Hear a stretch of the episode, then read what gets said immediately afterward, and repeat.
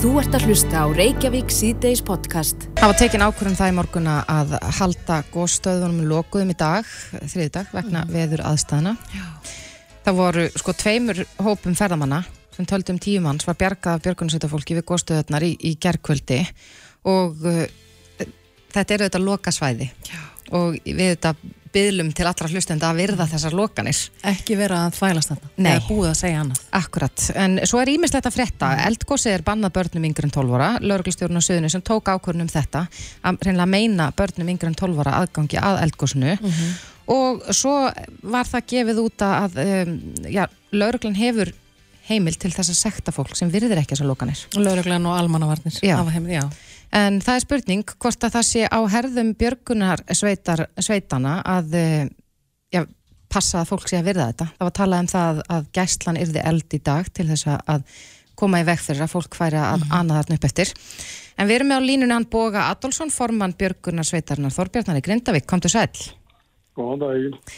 Já bói, við erum nú svolítið langt síðan að við töluðum reglulega við þig hérna í, í górsinu í fyrra en, en hvernig hefur þetta verið núna síðustu daga?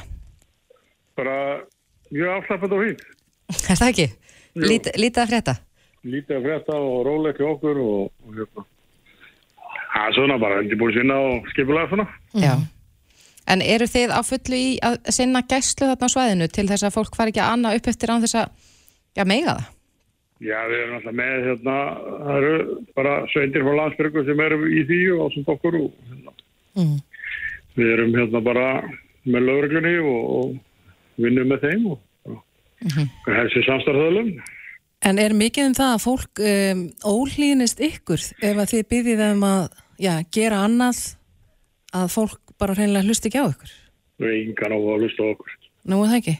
Nei, nei, nei það er náttúrulega ekki alveg. Það er sko, hérna, flesti taka alveg svona vingjaldum ábendingum, skilur, og svo eru bara sömur alveg staðfastir í að fara fram. Og, og fara bara fram hjá ykkur jafnvel þó að það sé lokað? Já, ég meina það er ekkert því að gera, við höfum ekkert, við erum ekkert lauruglæn við erum alltaf bara björgunarsett og, og við erum að vinna með lauruglun í þessu og hérna erum að reyna að gera bara það sem við getum, bæði til að gera það sem að kallast tímasparandi fyrir okkur og annað og, og svo veðrið er búið að vera og er og hérna -hmm þá er þetta náttúrulega fyrst og fannst gert svo við þurfum bara ekki að vera í þessu sjálfur þannig að uppi. Akkurat, en, en hvernig er það samt fyrir ykkur þegar að, að þeir eru búin að útskýra fyrir fólki að þarna séu veður aðstæður ekki mjög hagstæðar og að svæði séu loka, en það fer samt og svo lesum við fréttir af því að þeir þurfum að þjóta þarna upp eftir og, og, og hjálpa fólki nýður aftur. Það er náttúrulega bara við bróðsóður það er ekkit annað. Nei. Ég er mjög ánum með, með það hvað er jákvæðið það, það græðir engin á það ég, ég græði ekkert á því að fara á fjall og höstur og elgósi sko. En hvernig er að fylgja því sko eins og núna það er búið að vera að byggla til fólk sem mæta ekki og vera ekki með börn hann undir 12 ára? Hver verður í því að já, já, við, segja fólki að yfirgefa svæði með börni sín? Er eitthvað sem fylgist með þessu? Sko, svo eftir að gerða ára fór svona og fór hann að fór framhjá og annað þá var hann alltaf bara tekið harðar á sín dag. Mm. það er bara lögreglu við vera á Suðuströndaveginum á þessum björgultu fólki og við, það er bara öllum stúi við.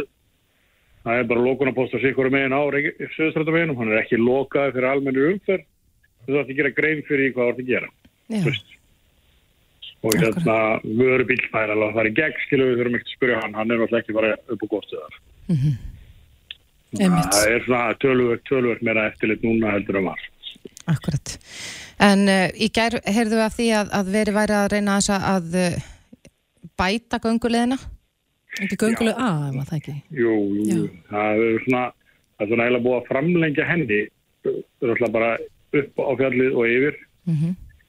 og hérna það eru gröfur þar bara núna, við erum búin að vera í allan dag og byrjuði í gær að móka hérna meðfram svo að sé betra að, og örugara að lappa það og svo keira er eitthvað að sí og annað. Við höfum verið að þjætta stíkur líka og set, settu stíkur og svo núna eftir þess að tóku til núna erum við að fara í dag að þjætta á milli mm -hmm. stíkana þannig að setja á milli þeirra. Og hérna svo með gerir á fyrir að þeirra að þeir eru búin að þetta í göngustíðunum þá munur ljós koma hann á göngustíð Já, já það verður allt örugara og, og svona greið Já, við greiðara, viljum alltaf bara fólk farið þannig að höfðu upp og komið tilbaka. Það er alltaf bara fyrst og fremst. Og þið eru öll þarna í sjálfbóðavinn ekki satt? Jú, jú, það er náttúrulega bara, mm. veist, fylgistarfinu sem maður ákveður að fara í. Já. Já. Það hefur verið ansið mikil umræða hér í okkar þætti, við opnum fyrir síman í gær og, og fjölmarkir sem að Já, við erum sína skoðun á því að við ættum að, að reynilega koma á gjaldskildu þarna, að fólk greiði fyrir að fara upp á gósinu. Væri það eitthvað sem myndi renna til ykkar? Ég, maður veit aldrei, skilur, ég veit ekki hvernig menn hafa hugsað þetta, en það er alltaf bara líka, það þarf alltaf eitthvað til þess að rukka þá, skilur, það þarf alltaf eitthvað að sitja yfir hlutnum og ég veit ekki hvernig menn alltaf að græja það, alltaf er að treysta bara á að menn lappa fram á skilti og, og þessu bílastæðin, skilur, þannig að það var alltaf eitthvað, eitthvað tóllið. Já.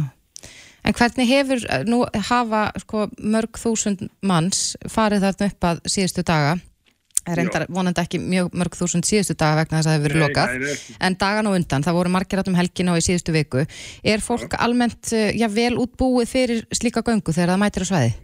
Það er svona flestir, flestir íslendingar gera sér grein fyrir hvað er að vera er og er mikið út Mm Svo er náttúrulega alltaf einn og einn enn á milli sem er náttúrulega bara þekkir ekki, kannið ekki, gerir sér kannski ekki grein fyrir því hvað þetta er langt og þetta er hækkun og annað, veist, þetta er, veist, verra viður hann uppi, veist, þetta er nálagt, ég held að sé alltaf vesin að við erum nálagt Reykjavík, skilur við, við erum bara svo nálagt þeim, -hmm. hvað við erum staðsett á landinu og hérna, en túristin er ofta skominninga til þess að, skilur við, fara í svona ferðir. Já.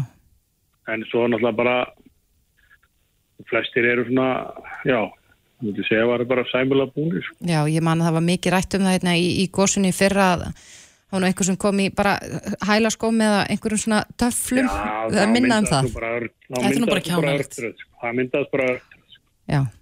Og, og vissulega er þetta kannski heppilegri ástími fyrir svona gós. Ég man að það var þetta, þegar ég fór upp á gósunni í fyrsta sinn, það var tíu stæða frost og ég var með sko jökla dúnúlpu og var þó kalt. Já, það er, það var, þetta er aðeins heppilegri tími. Sko. Já.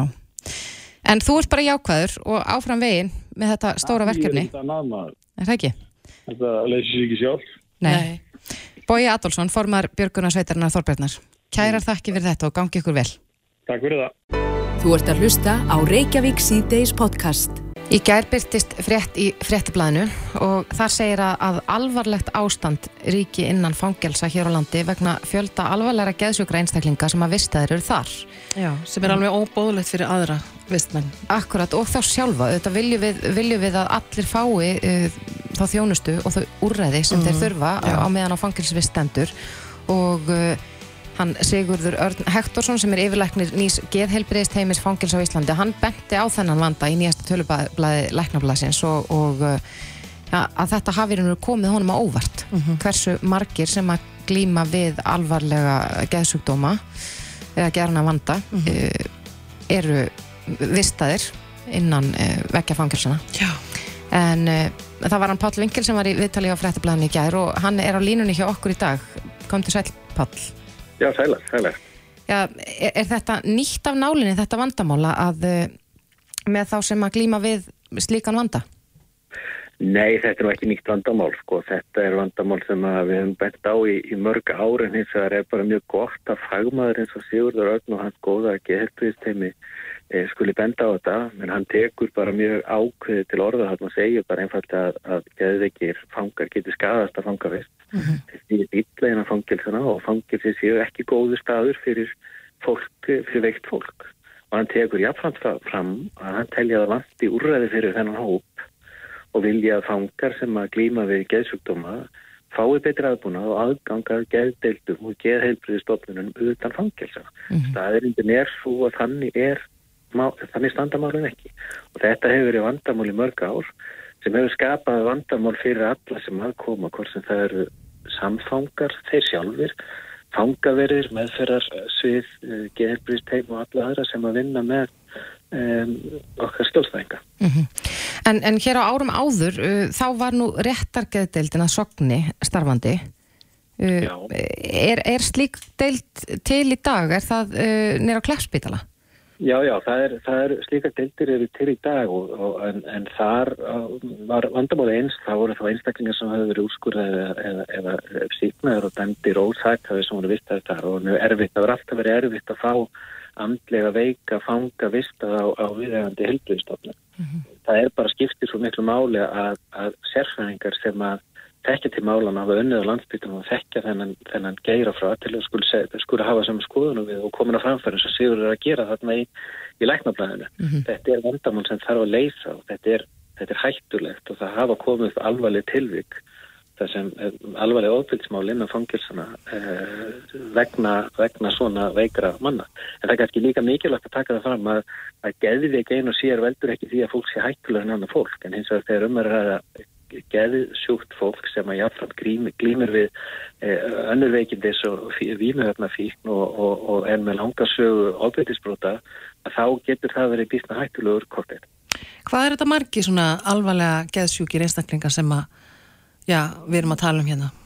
Sko, þetta er svolítið breytilegt. Þetta er svona á bílinu 2 og upp í 6-8 hverju sinni mm -hmm. og, og ástandið er mjög, mjög miservitt. Það hefur verið mjög erfitt núna á þessu ári uh, og, og, og senir þetta síðast árs og hérna og á sama tíma við erum að glýma við að við þurfum að hafa reksturinn innan fjárheimildar að þá þurfum við auðvitað mannskap til þess að, til þess að tryggja öryggi allra sem í hlut eiga og það er, er bísna krefjandi verkefni. Akkurat. En, en þú sagðir hérna á þann að þetta er nú ekki nýtt vandamál. Hefur verið gripið til einhverja ráðstafana líkt og, og aukina fræðslu fyrir fangaverði eða starfsfólk fangilsins til þess að, að geta betur komið til móts við þannan hóp?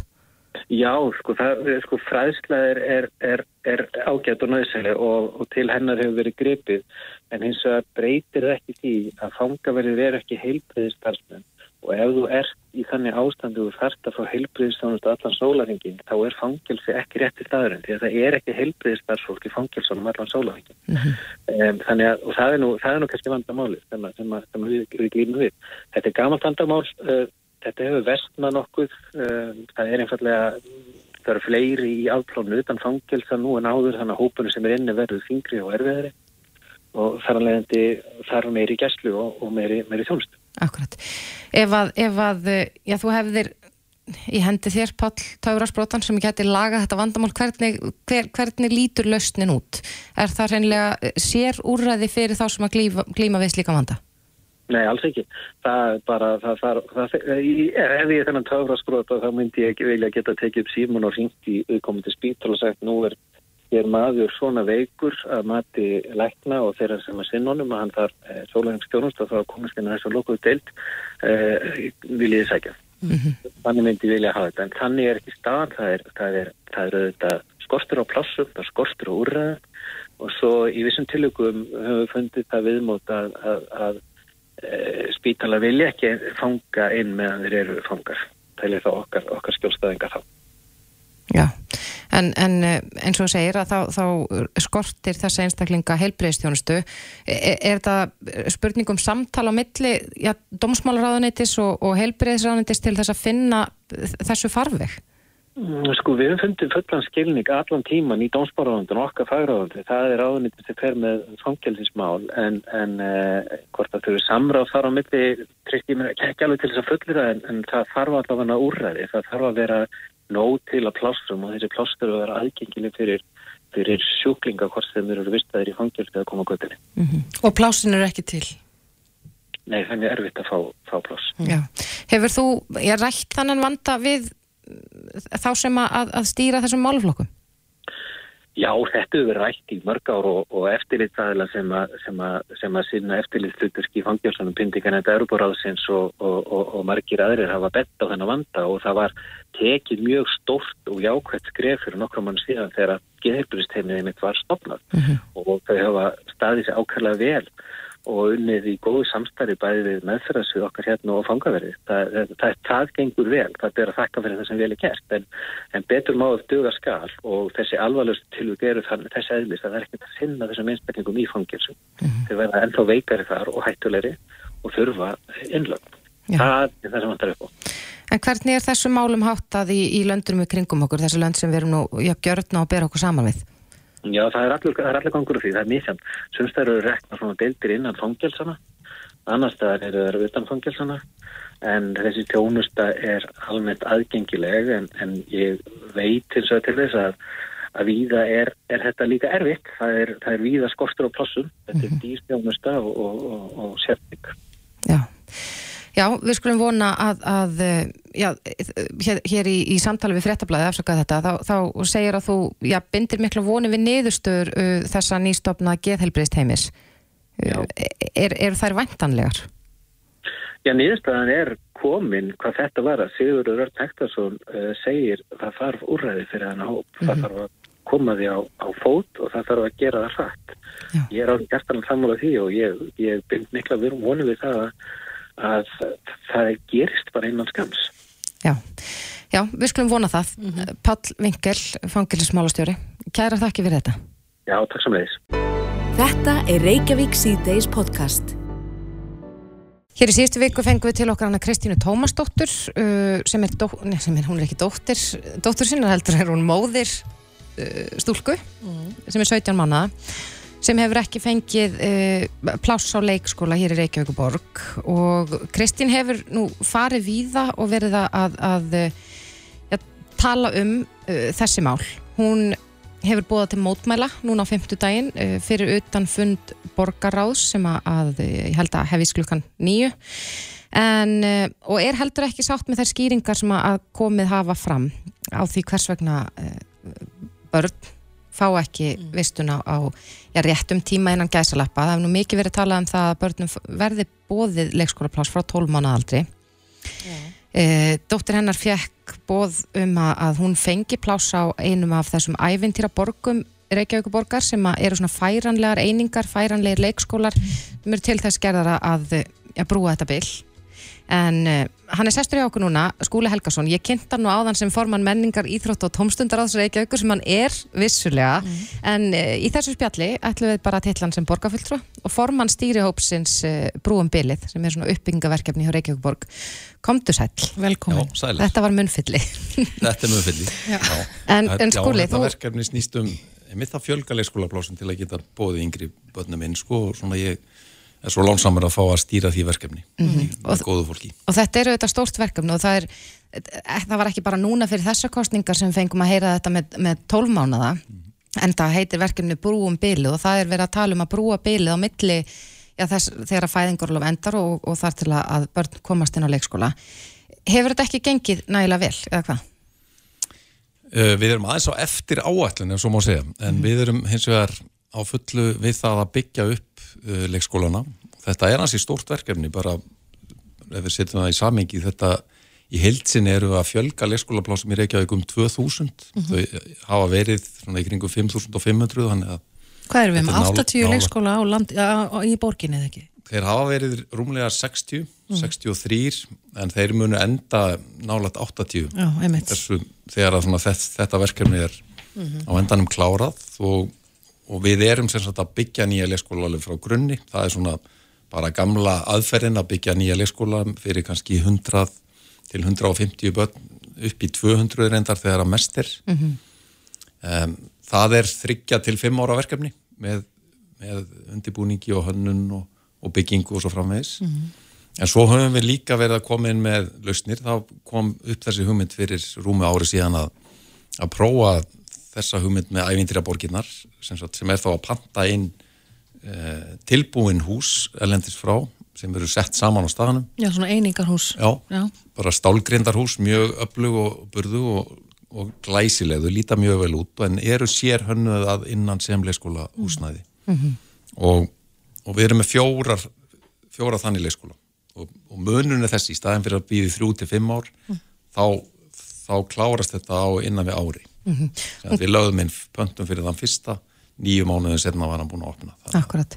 Hún Kristín saði hérna og bara í samtali sem við áttum við hann og í þeim viðtölun sem ég hef líka lesið við hann þá bent hún á það að já, hún hefur fengið bóðum pláss á einni af æfintýra borgunum en uh, þetta strandar á því að, að lóðin er ekki tilbúin og maður veldi því þá fyrir sér hvort að það sé ekki eitthvað sem hættir að, að já, kippa í lag vegna þess að margir fóröldra eru reynilega örvendingafulli, hún er höstuð að skella á uh, margir ekki með plássi á dagmömmum og, og, og hvað eiga fóröldrar þá gerir þeirri stöðu? Er ekki hægt að já, fá verktaka í verki og bara hefjast handa strax í dag? Jú, það er verið að vinna í, í þessum málum og sagt, fyrsta ævindarborgin opnaði í vor eða réttar að sagt í februar uh, Númer tvö er við Nautólsvegin uh, sem við erum held ég að ræðum í þessu mm -hmm. samhengi og þar eru húsin komin á stað, það er verið að vinna í innretningum, að mála, uh, vinna öllum tengingum. Mm -hmm. Það síðasta sem er gert í verkefnu er reymitt lóafrangandin, þannig að hún stendur fyrir dyrum og er á áallun í september. Mm -hmm. Þannig að það er svona síðasti verk áfangin og, og þannig hefur þetta verið unnið það er erfitt að fara í lóðina meðan það er ennþá verið að er ennþá verið nýta svæðið á fullu fyrir verktakana og, og, og þau tólotæki sem þeir þurfa að hafa með sér mm -hmm. þess vegna er lóðin tekin í lókin en, en ég skil alveg þessar sko áhyggjur og óvissan er alltaf mjög slæm mm -hmm. í þessu en þarna er skýringi þess að við erum að opna nýja leikskóla það sem að þarf að vinna ákveðin verka árun að þeir fyrir að tekja á móti börnunum. Ástandi vest, í hvaða hverfum skiptir það? Já, sko, umsóknir hafa verið flestar svona hér á þessu svæði þar sem við erum núna í laugadal og háaleiti en það eru við að fjölga plássunum mest mm. þar. Það er til dæmis svona leikskóli sem að næstur mun opna er hérna eh, upp á, á Kleppsveginum hann mun geta tekið á móti um 120 börnum og Já. þar eru verklokk bara núna í ágúst þannig að við sjáum fyrir okkur að hann geti opnað í september. Mm -hmm. Þannig að það mun mjög mikið um hann og, og mm.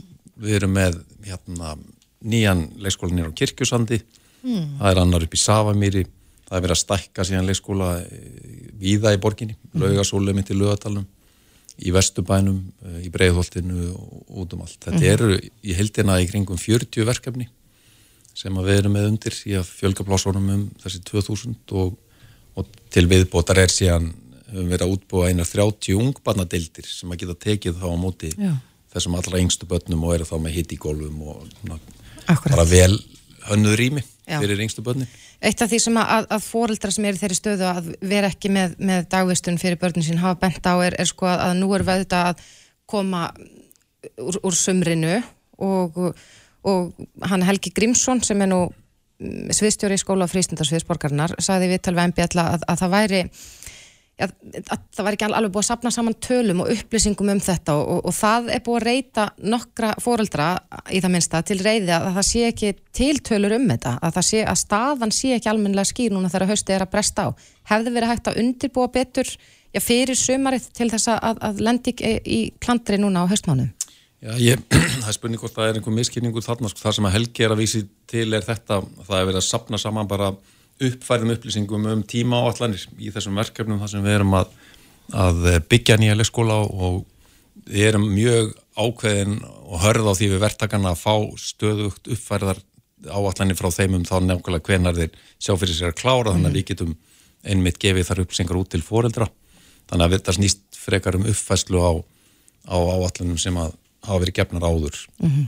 en, en svo koma einn þættir eins og bara mönnunarstaðan, þú veist hvernig gengur að manna leikskólana, það er eitt af haustverkonum á hverju ári að fá upplýsingar um þær tölur hvað er búið að manna margar stöður, hvað eru margar eftir mm -hmm. þannig að helgi er að vísa til þess og það skýrist síðar í þessu mánuði leikskólanir eru margir ennþá í sumafríi þannig að það þegar þeir eru búin að vera starfandi í eina til tvær vikur þá fáum við mynda því mm -hmm. En uh, já, nú er 9. ágúst og haustmánuðinni framöndan. Erstu bjart sitt náða að, að já, þessi hópur fórildra sem er með aðeins eldri börn, eldri en tólmána og jafnvel upp í tveggjára sem eru að býða, uh, að þau fái pláss núna á haustmánuðinum? Já, það er mjög margt að fara að gerast í, í þessum næstu mánuðu. Það er það margir uh, nýja leikskólar að opna mm -hmm. og eins og við segjum við erum á þessu ári er þetta í kringum 700 pláss sem að bætast við. Það eru rúmlega 200 sem að hafa opna nú þegar og í kringum 500 núna á þessum mánuðum sem er eftir á árinu mm -hmm. og það með breyta stöðunni mjög mikið. Já. Það hefur líka unnið svolítið gegn okkur að þó að þessi nýbyggingaverkefni hafi gengið vel að, að þá lendu við í því að það voru ímsari viðhaldsframkvæmdir tengda rakaskemdum miklu hér og þar bæði inn í borgareknulegskólum og engareknum sem að e, gerða það verkum að það var ekki að innrita í suma af gömlu plássunum. Mm sem var svona var vann svolítið á móti því að við getum tekið á móti þessum aldurshópi sem við vorum að sjá fyrir okkur þarna í, í vor En það svona hérna- hefur smátt og smátt verið að leysast úr þeim málum, það þurfti í sumu tilingum að finna bara alveg nýtt húsnæði meðan væri verið að ráðast í framkvæmdir og, og það hefur tekist príðilega úr því á, á síðustu vikum. Mhm. Mér skilst það að til dæmis Garðabær hafi ákveðið að fara þá leiða að já, brúa bilið að einhver leiti fyrir þá sem fengu ekki pláss fyrir uh, börnin sín að, að koma með sko niðurgreðslu á, á til dæmis uh, dagfóreldraþjónustu. Hefur þetta eitthvað komið til talsjá borginni að, að, að reyna að koma til móts við þá fóreldrar sem er í þessar erfiðu stöðu? Þetta er ekki svona eitt af því sem við höfum tekið ákvarðanir um en það er mjög mikil degla og gerjun í bara hugmyndum og umræðum um það svona hvernig menn almennt sé að takast á við þessi mál. Mhm. uh, annað sem við höfum verið að skoða er einmitt bara hvernig getum við betur leiðbent foreldrum varandi það að, að hafa yfir sín yfir það hvar eru laus pláss. Af því að þó að það séu margir leikskólar uh, fullsetnir þá er merkilegt nokk en staðan í sömum leikskólanum þannig að það eru laus pláss. Þannig að foreldrar ef að þeir eru opnir fyrir því í hvaða leikskólum börnin eru, minnst okkur til að byrja með þá eiga þeir ymsa kosti Mhm. sem að kannski er ekki augljósir en, en þetta er, getur verið snúið fyrir foreldra að ná þessari hildasín og við erum að vinna í því og höfum lagt inn uh, tillögur um það að þetta fari allt inn á neti, þannig að foreldra getið þá séð á netinu, bara á Reykjavíku vefnum hér er yfirleitt yfir þessa 60-70 leikskóli í borginni Mhm. hvar eru laus plás þannig að þeir geti svona verið svolítið Já, og gert upp fyrir sig hvort að þau leggja á sig ferðina kannski á milli hverfa. til dæmi sko, þó að staðan í þeim öfnum er endar mjög góð í hildina við erum með upplýsingar nýjar um að það eru nýja hverjum tíu börnum sem að fá pláss í sínu hverfi að þá veist, þá getur það auki möguleikana inn að því að komast fyrir inn að, að vera opinn fyrir því að sækjum á fleiri leikskólum en færri Já, við skulum vona það að, að þetta gangi vel á haustmánuðinum og, og að þessi plássuð og nefnir að þau og þessi nýju leikskóla muni opna uh, hér fyrsta. Skúli Helgason, borgarfulltrú og formaður stýruhópsins Brúumbilið. Kæra þakki fyrir komuna. Takk fyrir mig. Þetta er Reykjavík C-Days podcast. Það er eitt sem er svona, uh, já, svona frekar nýlegt að nálinni, eitthvað sem að ég ólst ekki upp við, eru samfélagsmiðlar. Já. Og uh, mér finnst, þó ég noti samfélagsmiðla allt og mikið, vissulega nota ég allt og mikið, að, að þá samt held ég að ég skilji ekki hvernig það er að vera barn. Nei, sko, mér sem maður sjálfur, maður nær valla utanum þetta hvað þetta orðið er mikið, sem mikil frumskóður. Mm Við rákumst á grein hérna á vísi.is þar sem er uh, sagt frá því að, að holdgerfingur eitrarar karlmennsku slæri gegn á TikTok. Já. Og þetta er fyrir um bardakappin Andrew Tate. Hann hefur slegið gegn á TikTok á síðustu vikum og sérstaklega meðal ungra karlmanna. Mm. Uh, hann eh, í raun og veru er með alls konar ummælið þarna, mjög umdilt, en hann talar oftar en ekki niður til hvenna og ítir undir eitraða karlmennsku. Og það eru fleiri og fleiri ungi karlmenn sem er að fylgjast með honum. Erum við þá að tala um 13 til 16 ára ungi strákar? Ætli það ekki Mm. og, og það er nú ekki langt síðan að ég varð vör við umræð á meðalmæðra inn á, á Facebook-hóp Mm. þar sem þær voru sko að vara hverja aðra við þær voru að tala um uh, fylgisti með því sem að strákurðin er að gera á, á TikTok eða Já. á Instagram og, og til þess að, að fá ekki sko þessar upplýsingar Mm. sem eru flestum tilvægum bara ekki réttar Mhm. Beint til sín og uh, bara svo ég útskýri aðeins hvernig þessi Andrew Tate er að þá er hann já til dæmis uh, segir frá því að ef hann er með konu sem hann elskar og fer út og sefur hjá annari konu sem honum er alveg sama um að þá er það ekki framhjáld Nei. það er æfing Einmitt. en ef að konan talar við annar karlmann þá er það framhjáld Og þetta er náungi sem að er gríðarlega vinsall Mhm. hjá ungum drengjum, Já. út um allan heim. Akkurat. Já. Hann er sestur hjá okkur Sigurður Sigursson, sérfræðingur í miðlanótkun barna og ungmenna hjá heimil og skóla og saft, kom til sæl. Takk gælaði fyrir að taka svona vel á mót mér. Já, bara gott að fá sérfræðing í þessum efnum vegna þess að ég held að foreldra sperri eirun þegar þessi svona umræða fyrir gang og þetta áauðvitað ekkert bara við um stráka Algjörlega. það er kannski annar hinliðin eru stelpunar Algjörlega.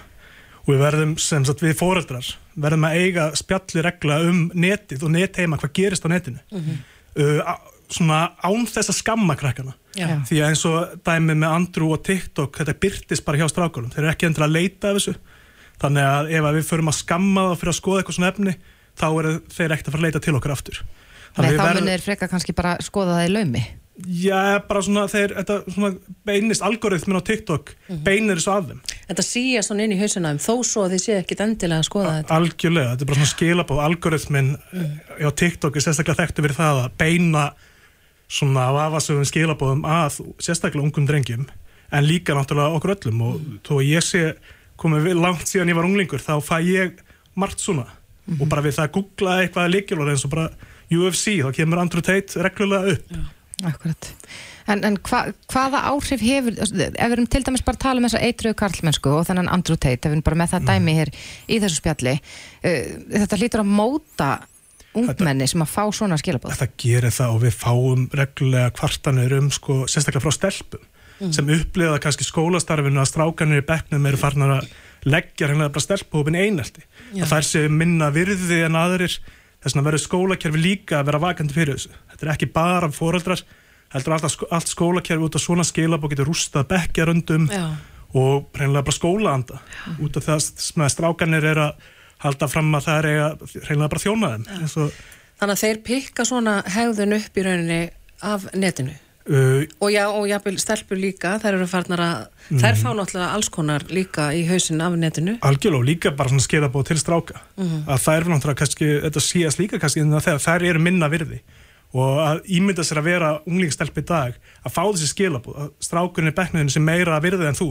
Og þú hefur bara að vera heima og vera sætt það er ekki mjög jákvæmt þess vegna verður við að taka þetta spjall heima fyrir og ræða um það sem börnin sjá og bara spurja spurninga og fara rúndinn og spjalla um lífið og tilveruna. Og lífið og tilvera barnan í dag er stór hlut á netinu. Akkurat. þannig að það er ekki bara nóg að spyrja hvað gerður í skólanum heldur hvað sást á netinu í dag.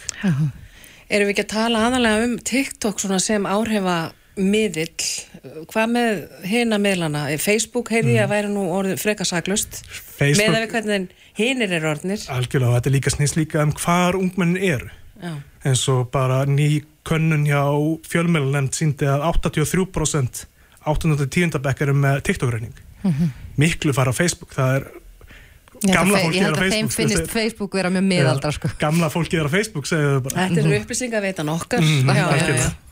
og, já, og 59% miðstigsnefnda eru, jável þó sé ekki með aldur til þess að vera TikTok eru þar þannig að við verðum að taka þessa umræðu og ég vil bara eins og til dæmis með Andrew Tate að af hverju er hann að segja þetta?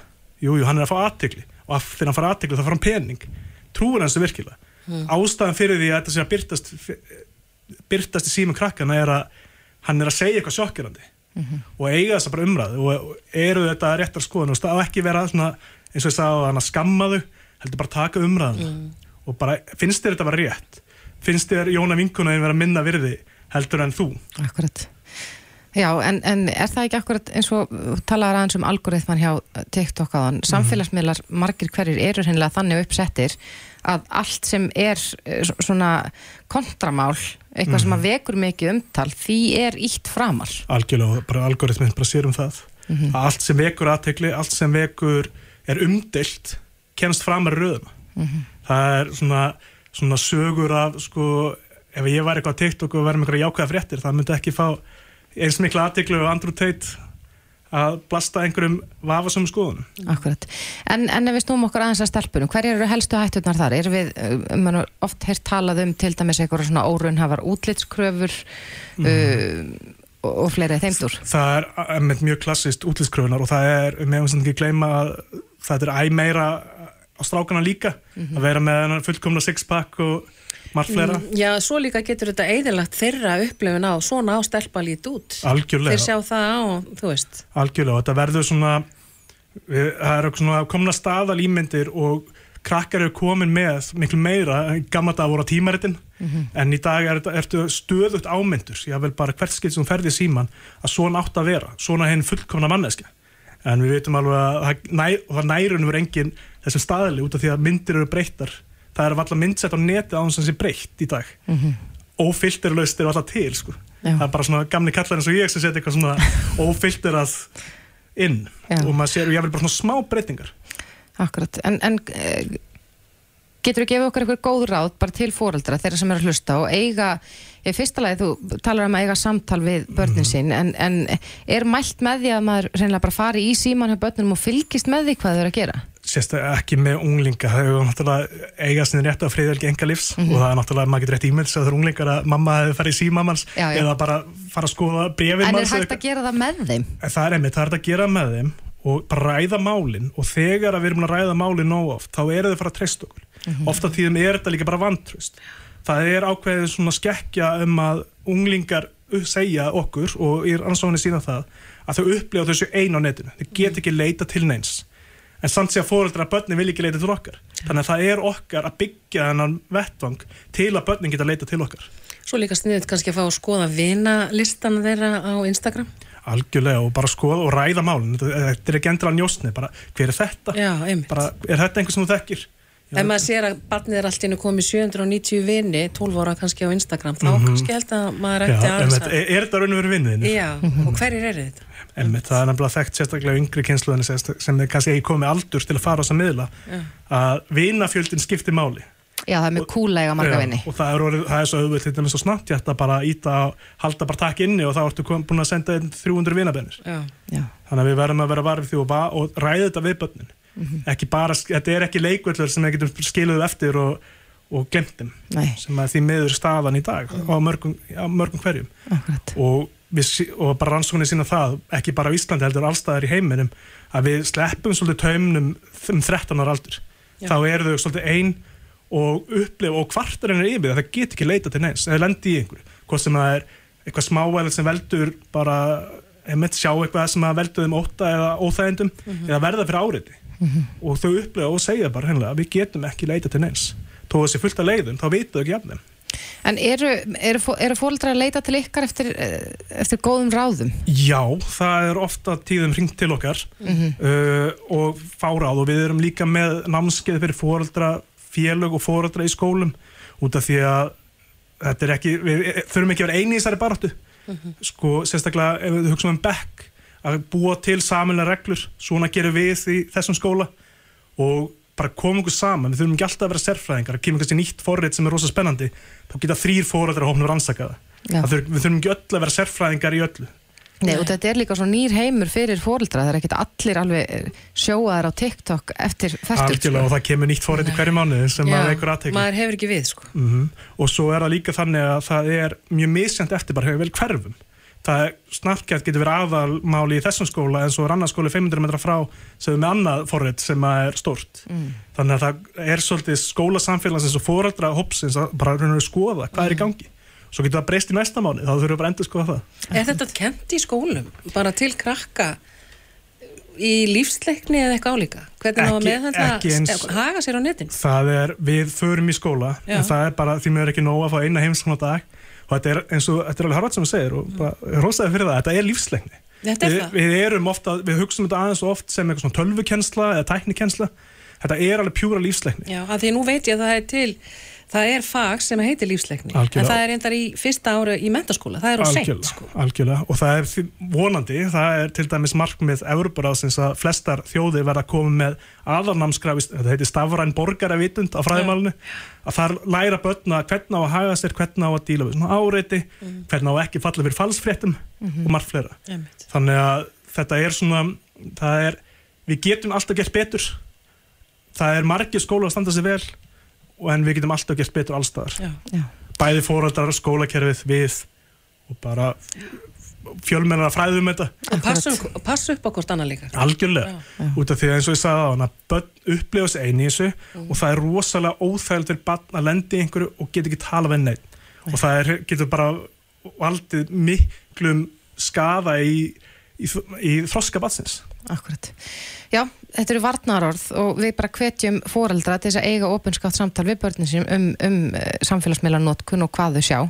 En uh, Sigurður Sigursson, sérfræðingur í miðlanótkun barna og ungmenna hjá Heimil og skóla og Saft, kæra þakki fyrir komuna. Takk hérlega Reykjavík síðdeis á Bilginni podcast. Ég bý í útkverfi Mm. og uh, þegar ég er að rölda með hundin þá sé ég yðurlega svona ramaslaupahjól hér og hvar. Já, og það er búið að vera kannski í göngustíg á sama göngustígnum í já, með dögum saman. Já, ok. og ég velti fyrir mér sko, nei. Og ég velti fyrir mér hver sér um þetta. Mm hvena verður þetta sótt? Eðilegst þetta? Og Já. Ég sá nú myndum helgin af hopphjóli ofan í tjörninni nýri bæ. Já. Það hefur líklegast verið skemmt eftir það. En, en umræðan um þessi hopphjól hefur verið ansið hávar undanfarnar daga og, og uh, kom fram í fréttum í síðustu viku að frangáttastöru hopp segist taka það mjög alvarlega að fólk leggir rafskutum svo illa að stopni lífi fólks í hættu eða hindri för þeirra og þau séu hreinlega að íhuga það að grípa til einhvers konar sekta.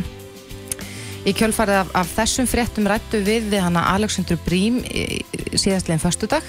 Hún er formaður umhverfis og skipulagsrás Reykjavíkuborgar og hún sagði við okkur að, að sko, ef að það erðu sett upp svona afmörkuð skilasvæði fyrir hjólinn að þá myndi það gera út af við leigurnar vegna þess að ef þú þyrtir að skila hjólun á, okkur, á, á okkur um stað og þyrtir síðan að ganga einhverja kannski 100-200, nokkur hundru metra að það myndi fólk ekkert nenn að nota það lengur En maður sér þetta samt mjög víða, ellendis. Já, mér skilst að þetta sé staðan í, í löndunum í kringum okkur og, og uh, að það sé búið að grípa aðeins svona í taumana á þessu. En til þess að ræða þetta við okkur erum við með á línunni hann Ólaf uh, Guðmundsson, sérfræðing í umferðar öryggi. Kom til sæll, Ólafur. Já, sæl. Já, Ólafur, þú nú aðeins kynntir hvernig þessu málum er háttað í löndunum í kringum okkur. Já, ég hef gert það og, hérna, og var núna bara síðast hérna í Kveitnahöfn núna fyrir rétt hættu manniði, þú veist að, að, meðal að skoða þessi mál. Og það er löngu búið að taka á þessu öllu sem hann þarf. Og það er kannski vandamáli hjá okkur hérna á Íslandi, það er ekki sama hvort það er hérna rafskútnar eða vesputnar eða vélfteðarnir eða hvað það var sem kom inn í þessa flóra okkar að við erum alltaf svo sein að grípa inn og hérna setja reglur um umist baki og hérna og, og það er kannski stóra málið. Kveitan, Oslo, Stokkólfur allar þessar borgur er löngu búin að gera þetta. Já. og þetta er náttúrulega ekki liðir þar frekar en það að ég mætti koma með deilubíl eða, bílugubíl og skilja hann bara eftir það sem er dættur í hug. Þetta, þetta, þetta, þetta snýst um það að hafa bara skynsama reglur. Þetta er fín flóra að fá þetta inn í, hérna, í, í, hérna, í samgöngum áttan okkar og þetta eru fín tæki en við þurfum að búta reglur til þess að, að hérna, meðhandla þetta og halda um þetta. Einmitt. Og það er ekkit flókið að, bú, að gera það, er það? Nei, það er ekkert flókið. Þetta er bara svona almenn umgengni. Þú skilur ekki svona tæki eftir hvar sem er. Og þið nefnduð að hérna, það búið að henda þessi tjötnina, þú veist, og hérna, ég er hérna, upp í grái og ég var að kjóla hér bara í gær. Það voru, sko, hérna, eh, eh, hérna hoppjól út um allt. Já. Á göngustífum, á umferðaregjum, um, liggjandi í grasinu.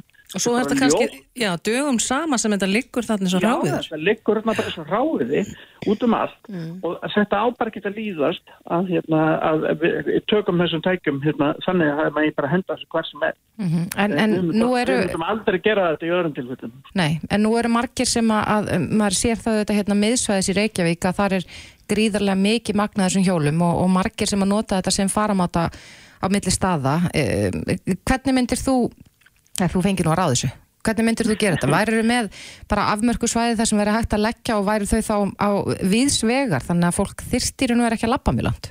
Já, það er ekkert mál, þú veist, og þannig er það búið að gera þetta í kaupunöfn. Þetta er út um allt í kaupunöfn, það er búið að mála litla ramma, það sem þú mátt skilja sér hérna, hjólettir og það er ekkert mál. Og hérna, uh, síðan er þetta bara spurningum að sekta, til dæmis leiguðar, sem að síðan geta sektað uh, þá sem voru á hjólunum ef þeir hérna, skiljaðu ekki á röngu stöðum. Þetta er bara umgengni svenja sem við þurfum að temja okkur og, og, og, og nota þessi tæki eins og, eins og þau eru, eru góð að nota þau bara rétt og við þurfum að no, hafa hérna, reglur um það eins og allt sem við gerum. Við erum ekki að skilja rusl eftir út um allt. Uh, við skiljum ekki reyðhjólun okkar eftir út um allt. Við skiljum ekki bíla eftir út um allt. Það er reglur um þetta allt það er ég á bara að setja reglur um þessi tæki eins og allt annað. Og hérna, ég sé ekki vandamáli við þetta og hérna aðra borgir hafa löngu hérna gert þetta. Þannig að ég held að, að komi bara tíma það að við gerum það sama hér og ég held að það hafi ekki mikla eða nokkra, hérna, nokkur áhrif á nótkunna þó við myndum setja reglum um þetta. Við erum reglum með reyðhjól. Við gerum þetta ekki með reyðhjólun okkar. Eins og ég segi, já, það þyrfti þá að vera nokkuð marga svona stöðvar svo, svo að fólk uh, myndi vilja taka svona hjól, ekki satt, eins og þú segir. Já, sko, það þarf ekki þetta. Ég veit að ég bara, ég var að skoða til kvöldinu. Þar voru þið með svona stöðvar á öllum lestastöðum og öllum strætóstofnistöðum. Það er að hlaða þetta, þú settir þetta bara í hérna, í hérna hlæðslustöð og ég held að veri miklu betra líka fyrir rekstraðela þess að tækja eða væri þannig að það væri sett bara upp hlæðslustöðvar og skilasvæði þar sem þú setur þetta og hérna og, og, hérna, og leggur þessu og hliður þetta þá fyrir næsta gunna. Ég held að helmingurinn af, hérna, af því sem ég sé hérna liggjandi upp í grái, það sem ég bý, út um allt, eru rammaslöld hjól. Fólk er að nota þetta, þegar rammagnir er búið, þá henda þeir bara hjólum. Þú skiljið eftir það sem eru. Ef það væru stöðvar, það sem þú ættir að skilja hjólunum, og ef þú gerir það ekki, þá fengir þið bara hérna segt og þannig er það í Danmarku og Oslo og öllu þessu stöðum. Það er komið kvóti til dæmis, bæði í Oslo og Kaupmannhöfn, að það er kvóti á það hvað leigurnar með að vera með mörg hjól úti á hverjum tíma. Þeir með ekki til dæmis leigja þau á, á nóttina um, um, hérna, um helgar. Þetta er sko mjög vekk fyrir að fólk sé hérna drykkja á þessu. Eh, Það eru konar alls konar reglur í kringu það, hvar þú leggur þessi hjólinn, hvernig þú umgengustöðu, þú mátt ekki, til dæmis, vera á þeim á strykinu. En hérna fara menn laugavegin, alveg hérna, eh, á þess að deppla auga og hérna á fullri ferð. Já, og ég er búin að mæla með fólk. Eh, ég var að hjóla á 25 km hraða. Það kom einhver fram hjá mér og skutluð þú veist á hérna þrísu sinni meira hraða. En svona í lokin, hvernig er með þessa ramagsbíla sem ég hef heyrt að, að væri núna vísvegar um landi? Er það sérstakar, sérstakar stöðvar sem að þú skila þeim? Já, sko, það kemur aftur, já, það voru settur upp sérstakar stöða fyrir sikkar sem er komið hérna fyrir þreymur eða fjórum árum. Það voru settur sérstakar stöðar og þú skilur þessum bílum bara á tilteknum stöðum. Það er nákvæmlega það sem það þarf að gera varandi hérna rafsköldunar, það er bara að setja upp stöðvar þar sem þú mátt skila þessu og þá er málið dætt. Mm Mér langar að bæta við, þú sagðir hérna áðan að, að já, fólk væri á, á uh, háum hraða á þessum hjólum alveg nýri miðbæ. Nú er búið að draga niður hraðan á hjólunum alveg, uh, já, til dæmis eins og nýri bankastræti og, og þarna það sem göngugatan er. Þau hreinlega komast ekki hraðar en 15 km hraða. Já, en það er ekkert eftirlit með því. Það er enginn sem fylgist með því. Ég var bara hérna... Nei, hjólinn komast ekki hraðar en 15. Já. Þessi en þau leiguhjól, sko. Það er, er leiguhjólinn, en ekki almenni hjólinn. Það sem að þú átt þitt hjól. Ég bara get nefnir það að hérna, ég var að, hérna, að hjóla mínu hérna, rammasauðhjóli hérna, nýri við, hérna, nýri á geisniði og það kom einhver fram á mér á því líkri ferð. En, en er- viltu, viltu leggja til að, að það verði líka uh, tölvöld meira eftirlit með þessum hjólum sem eru í engaegu? Já, og það, þannig er það í Danmarku til mér og Oslo. Þú mátt ekki, það er 25 km hamasæði, 20, 25, 30 km hamasæði aðeins minnsmundi eftir löndum á öllum eh, hjólastígum og þú mátt ekki fara hraðar. Og það er eftirlit með því og þú sektar verulega ef þú, hérna ferður ekki, þessi 20 skall sektin í Danmarku ef þú ert á meira heldur en 25 uh, á hjólastíg þar sem að aðrir er, er að ganga að hjóla og þetta snýst um, þetta snýst um öryggi þess að mesta hérna, síðustu tölu sem ég hefur að horfa á varandi hérna, umfyrstleis á Íslandi að uh, það eru mest út af hérna rafsköllum Akkurat. En Ólafur, þú sagðir hérna áðan að við værum gjörn á að vera of, of, of sein að, að ég setja reglur um svona hluti. Er við orðin of sein eða er, er, getum við greipið inn í núna? Já, já, við getum alveg greipið inn núna og við ætlum að vera miklu fljótar að grípa inn í þegar öll ný tæki koma af því sama hvaða er nefnast þetta er bara partur á flórunni og besta mál að fá þessi tæki inn í, inn í, hérna, inn í umferðina en þá þurfum við að drífa okkur í því að búið til reglur utan, utan um þetta Akkurat. strax. Já, það er spurning hvernig, hvernig þetta fer, hvort að greipið verði inn í, í tækatíð en Ólafur Guðmundsson, sérfræðingur í umferðuröryggi. Kæra þakki fyrir þetta. Já, bestu þakkir. Hlustaðu hvena sem er á Reykjavík C-Days podcast. Í dag er 9. ágúst. Já, þetta Og- líður allt saman. Já, mánuðin fyrir bara, fer bara að vera hálnaður. Sko, mér finnst alltaf eftir Vestlunumanna helgi, þá finnst mér alltaf eins og sömaris í búið. Já, við, er þetta svona gamalt frá því ég var í, bara í skóla, barnaskóla, að því ég vissi að skólinn var að fara að byrja bara allt búið. akkurat. Ég held að séu margir sem upplöðu þetta svona. Og ég og Kristoffer rættum það nú aðeins í síðustu viku að sko, sumar er ekkert búið. Nei, nei, En þegar ég horf út um gluggan þá er margt sem Minnst segir mér það, að sumari sko. sé búið. Ég fór út að, að hlaupa í morgun. Já, hvernig gekk það? Að hvert fögstu? Ég fauk reyndar ekki neitt en ég var alveg sko blöyt í gegn. Já, það var svo mikið rigning. Ég fór upp á Vífurstaðvatni Mm. og byrjaði svona í nokkuð þurru og svo bara lendi ég í sko vindkviðu og sko rigningu sem fór bara beint framan í mig. Þannig átt nokkra flugur og þetta var frekar já. hugulegt. En, Já. akkurat, við ætlum aðeins að- að eh, já, heyra af veðrunu framundan. Okkur skilst að sumari sé ekki búið. Hann Sigur Þór, Þór Ragnarsson, veðurfræðingur, betur þekktur sem Siggi Stormur, er á línu hjá okkur og sagði í samtali við MBL í dag að sumari væri ekki búið. Kom til sæl, Siggi. Komið þið sæl og blessaðar. Já, þú lítur að skilja það að, að, að fólk er kannski svona eilítið vonsvikið með þetta sumar sem að er ekki búið þó. Já, ég get að reyndar alveg rétt. Ég get alveg tekið undir það að, að mörgum list og hefur ekkert litist á blikuna eh, bæði þegar hortið til júni og júli eh, vegna þess að eh, þeir mánuðir hafa svona verið að skrölda um eða undir meðalagi í, í öllum mælingum. Mhm. Uh, við meðavel meðaltöl 10 ára, 30 ára og svo framvegis. Uh, búið að vera svona uh, mikil úrkoma og, og, og vassmikla lagðir sem hafa, hafa, hafa svona losast vel við, við vatn og, og allt þetta er náttúrulega ekki það sem við erum að leita þegar við erum að hugsa um sumar.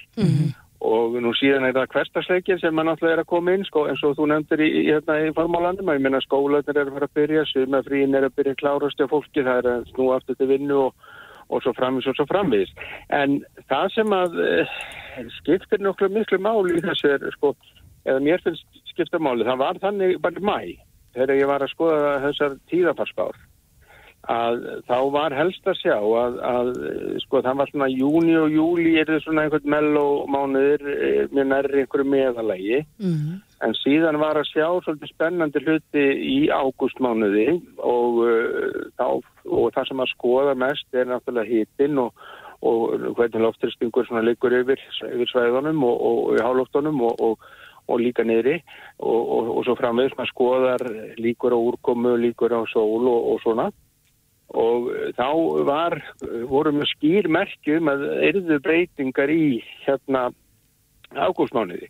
Og síðan, síðan heyrði ég einmitt í þeirra ábylginu um daginn að, að þú varst að tala um að það verið fyrir norðan eh, eitthvað tíma núna og, og hvað var það, 5 gráður eða hvað? Ég var fyrir norðan, ég eitti Vestlunmanna helginni fyrir norðan og, og var svo leiðis að vona, vonast þess að fá bara bong og blíðu og geta verið að sóla mig. Nákvæmlega, sko, en nú vildi svo til að Vestlunamanna helgin, hún, hún taldi yfir júli, en síðan hefur það gerst núna í, í, frá, frá mánaðamótum að það hefur orðið algjör viðsnúningur á veðri og þá sérstaklega hitafari á norðanverðurlandinu og austan til. Og við þurfum ekki, sko, á meðan að, sko, það er, þegar maður er að búið til þess að veðurspá, bæði eh, býtu veðurspá fyrir ringbröð og hverjum einasta degi, að, að hérna, þegar maður að, sko, manni, þetta er ekkit gaman, skilur að vera að setja ringstiga hitta Nei, þetta er svona- Raufarhöfn og, Þetta er svona þunglindislegt. Já, er það, en, en allt í einu gerist það að, að maður ber úr einna stafa hitatölu á norðanverðurlandinu og austan til jafnvel upp í ekki bara tvekja stafa hitatölur heldur, nú hefur hann verið að liggja um og yfir 20 stig eh, dag hvern einhver staðar á norðaustur og austurlandi. Og, og hæstu talan sem ég sá núna var í Ásbyrgi í hvað í fyrrandag 23,7 gráður og uh, við höfum verið að sjá uh, 19 gráður 19 kom eitthvað bæði Hallómstað og og, og, eigilstöðum og, og Akureyri líka. Eh, sko, það, það er, þarna hefur orðið mikil umpólur með, með hlýrnarlofti sem hefur komið úr, úr söðvestri eins og það reyndur alltaf gerir.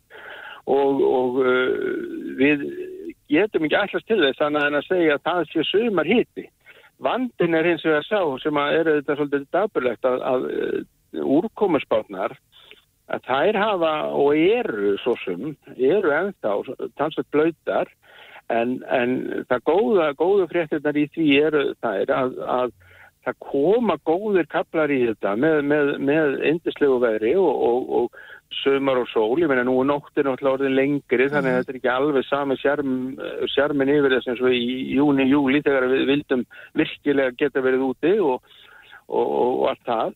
Þannig að, að, að þegar maður leggur heilt yfir mat á þetta þá, þá finnst mér uh, þetta vera alveg e, sko, alveg þetta stand undir því að segja að sumarið er fjarrið í búi þegar þú ert að tala um 20 gráðu hitta og sól með köplum uh, á, á þessum bestu svæðum. Og, og vel að merkja, ég nefndi að Norðurlandi kæmi þar svolítið skemmtilegin í miða við þessar uh, tíðafarsbár sem að var að rýna í mæ og leist reynda svona, svona sæmulega á. Mm -hmm.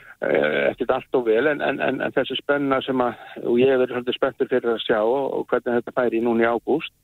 Og, og ég mér finnst sko sko ég sagði heitt maður við mig þegar ég var að þegar hann sá fyrstu tíðafarsbána mína þú verður ekki bara að segja að veðri verði einhvern veginn. Það sem maður er að gera auðvitað er veðrið alltaf einhvern veginn og auðvitað er veðrið á Íslandi síbreytilegt en hins vegar er það sem maður er að gera að maður er að bera saman einhvern meðaltalsveður sem erum vön yfir langt tímabil og reyna að meta hvort að það sé ívið betra eða ívið verra heldur en við um að venjast með þessu meðaldur. En sér þið ekki bara svo langt sem að, já, þú getur séð fram í tíma, það eru þessar lagðir að koma upp á landinu, trekk í trekk, það eru vindkviður, þannig að verðum við ekki bara að vona það að við fáum nokkuð gott og myllt höst.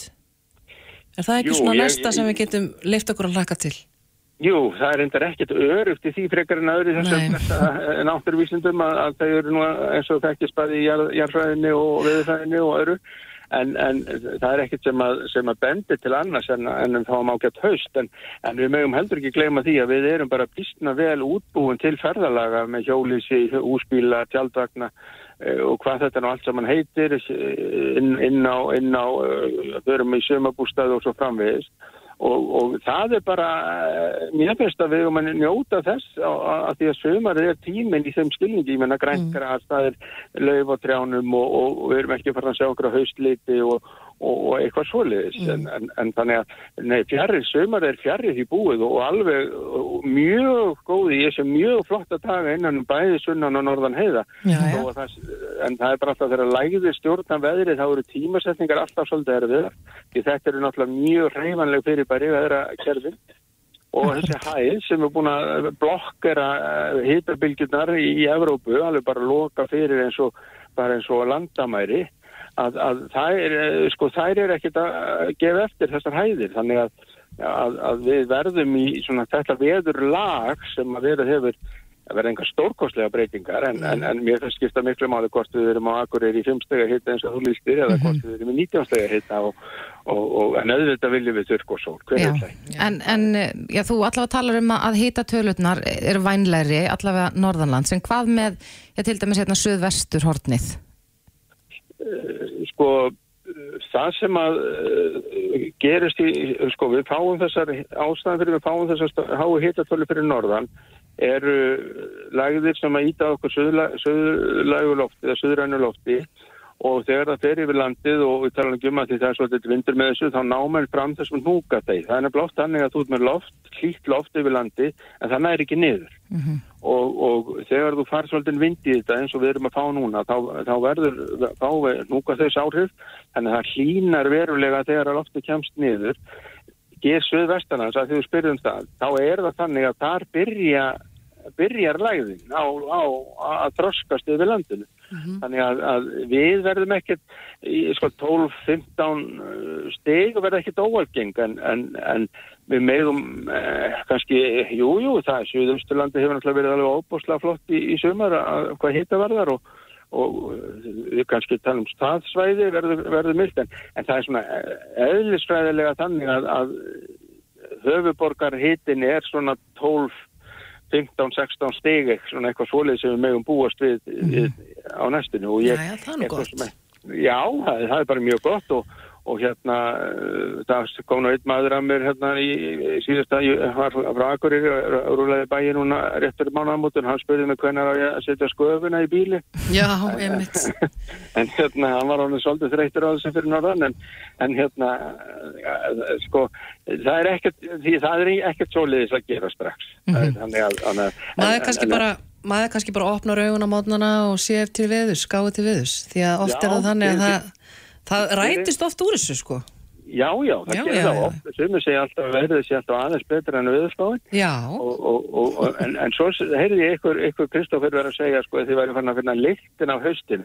Ég, ég, ég, ég, hérna, ég vísa því alveg bara til ykkar. Já, já, þú vísar þessu bara. Hausti. Já, já. Já, Siggi, eins og segir, sumar er ekki búið. Við skulum bara vona það allra besta fyrir eh, þennan ágústmánu, þenn Siggi Já. Stormur. Kæra þakki fyrir. Ein, eina sem er, sem sagt, er þessi úrkoma og kannski endar hún bara þannig að það spá fyrir bara í rusli. Já, já, vonandi. Vo- Vonum það. Kæra þakki fyrir. Ok, takk. Reykjavík síðdeis á Bilginni podcast. Ædolið, uh, það stýttist nú aldrei sér það að það byrji. Uh, í dag voru fyrstu svona opnu áhernapröfunar Já, á Ísafirði. á Ísafjörði, klukkan eitt í dag í tónlistarskóla Ísafjörðar og þetta er fyrsta stoppið en, en uh, þau munu síðan halda áfram mm. framleiðendurnir á ferð sinni um landið til þess að, að uh, já, lefa fólk að spreita sig.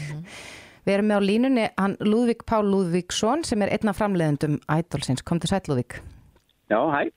Hvernig gekk í dag? Herri, bara ljómandi vel. það er Uh, var ótrúlega gaman að, hérna, að vera í Ísafirði og það kom bara fullt af fólki að syngja fyrir okkur og, og bara gekk rosalega vel. Sáuð eitthvað efnilegan sem að þú sér fyrir þér að standa upp í sin sigavegari? Já, herri, það er mjög mikið efni hér á Ísafirði og hérna, við erum rosalega ánægt með alla þá sem komu og sungu og, og margir mjög efnilegir. Já. Hvað heldur þú cirka að þetta hafi verið margir? Svona 50, 100? Ég á erfitt með að segja hvað þetta voru margir eh, en hérna ég hefa niður að vera að syngja fyrir mig en, hérna, en það var allavega stemning úti og, og, hérna, og mjög gaman. Já. En hvernig fer þetta fram? Sko, út af núna þið eftir að halda áfram. Þið eru að fara uh, norður og akkur er ekki satt? Jú. Ekki á morgun heldur hinn eða hvernig er þetta? Jú, það passar. Uh, Þá verðum við á, í hófinu á Akureyri. Mm Og er þetta þannig að fólk bara kemur inn og stendur í röð og syngur eitt lítið lag og, og, og, og svo hvað? Já, það er bara nákvæmlega þannig. Bara hérna, hurðin opnum klukkan eitt og þú kemur inn og skráði og, og svo kemur til okkar og til mín og röggu og, og syngur og hérna og, og fleira er það ekki. Mm. Guð, þú veist að mér finnst þetta rosa stressand að heyra þetta. Ég gæti þetta ekki. Nei, ekki heldur. Þannig að þessi krakkar eða ung, eða þessi ungmenni eiga bara hróskilið að þóra þessu. Já, heldur betur, heldur betur. Þetta, það er hurð ekki og hérna og, og, og, þau eru að standa alveg smakarlega vel. En svo, svo um, haldið áfram og farið á bæði Egilstaði, Selfoss og svo endið hér í Reykjavík þann Jú. 20. Jú, við erum á Nordica 20. Mhm. og þá, þá er þetta þessu opnu ánægbrunum lokið. En, en net umsóknar en ennþá opnar. Já, þannig að fólk getur ennþá sendt inn vídeo. Já, já, já, já, það verður alveg, alveg opið nokkuð lengi. Já. Eru þið tvo daga á hvorum stað? Eru þið líka þarna morgun á Ísafirði? Uh, við förum hérna frá Ísafriði bara elsnum á morgun og brunum uh, á Akureyri og við gefum okkur alltaf svona smá tíma að okkur fyrir og, og taka ímið skot af, af bænum og svoleiðis og, og, og svo stillum við upp og erum þá tilbúin að taka mótið fólki dæn eftir. Hvert er svo næsta skrefið í þessu umsóknarferli? Næsta stíð er þá að, að syngja fyrir framann dómarana fjóra? Já, bara hérna framlýstum teimið fer yfir hérna umsóknir og, og, og svo verður bóðið fólki að, að koma í september og, og, og syngja fyrir uh, dóm, dómarana. Já. Mér finnst alltaf svo gaman að horfa á það í keppninni þegar þetta er svona fyrir fram á dómarana. Já, það er mjög skemmtilegt. fyrstu rosa. Já, já. Já, þetta er spennandi. Þið verðið á Akureyri á uh, fimmtudaginn. Jú. Ég hugsa að við heyrum bara í þér aftur þálúli og, og, og fáum nýjastu Tökum, upplýsingar. tökum stöðuna. Endilega, ég held að við erum alveg rosa fjör Já. á Akureyri og við erum hérna öll í rútinni rosa, rosa spennt. Æðislegt. Lúðvík Páll Lúðvíksson, einn af framleiðendum Ædolsins. Kæra þakki fyrir þetta og góða ferð norður. Já, takk fyrir mig. Bless, bless. Bless.